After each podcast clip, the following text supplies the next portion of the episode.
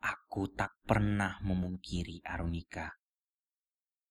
Bias elok sinarnya senantiasa ku nanti. Serta merta ia menyeruak batin ini. Hingga terpatri dalam sanubari. Seakan berbisik pada jiwa ini bahwa ia kan mengikatkan janji. Tak jua barang sebentar kala yang kulalui, demi memahami adorasi. Arah peraduannya pun tak ku ketahui. Namun tak peduli segentar apa pun diri beranomali. Bukankah pada hakikatnya ialah anugerah yang hendaknya disyukuri. Nyatanya ruang hati telah berdamai dengan diri. Rasa ini telah terpatri. Dan asa terpahat menjulang tinggi. Senantiasa menutup pandangan. Membayangi raga tanpa permisi. Hingga lidah tak bertulang. Yang tak tahu menaung. Akan kesaksian nyata kontradiksi diri.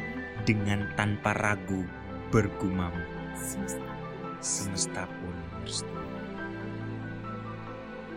Izinkan aku membagikan hikayat ini padamu.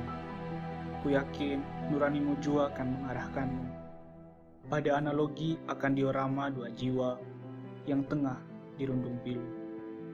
Keduanya seakan mampu menempuh segala halang rintang yang menghadang triloginya dalam setiap kala yang dilalui.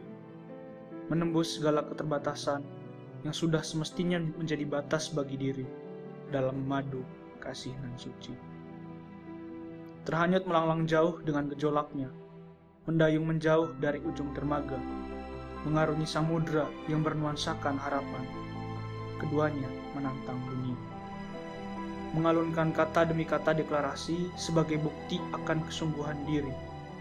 Dengan peluh yang mengalir deras, diiringi dengan debaran tak menentu, dan detakan nadi yang bergeming dalam kalbu tidakkah terpikir kembali pada akal keduanya akan keberadaan zat yang maha segalanya, yang mampu membentangkan samudra nan tak terbatas, sehingga mengukuhkan jarak antara keduanya, yang mampu merenggut segala rasa, asa, dan angan yang pernah tercipta dan bersemayam dalam sanubari keduanya.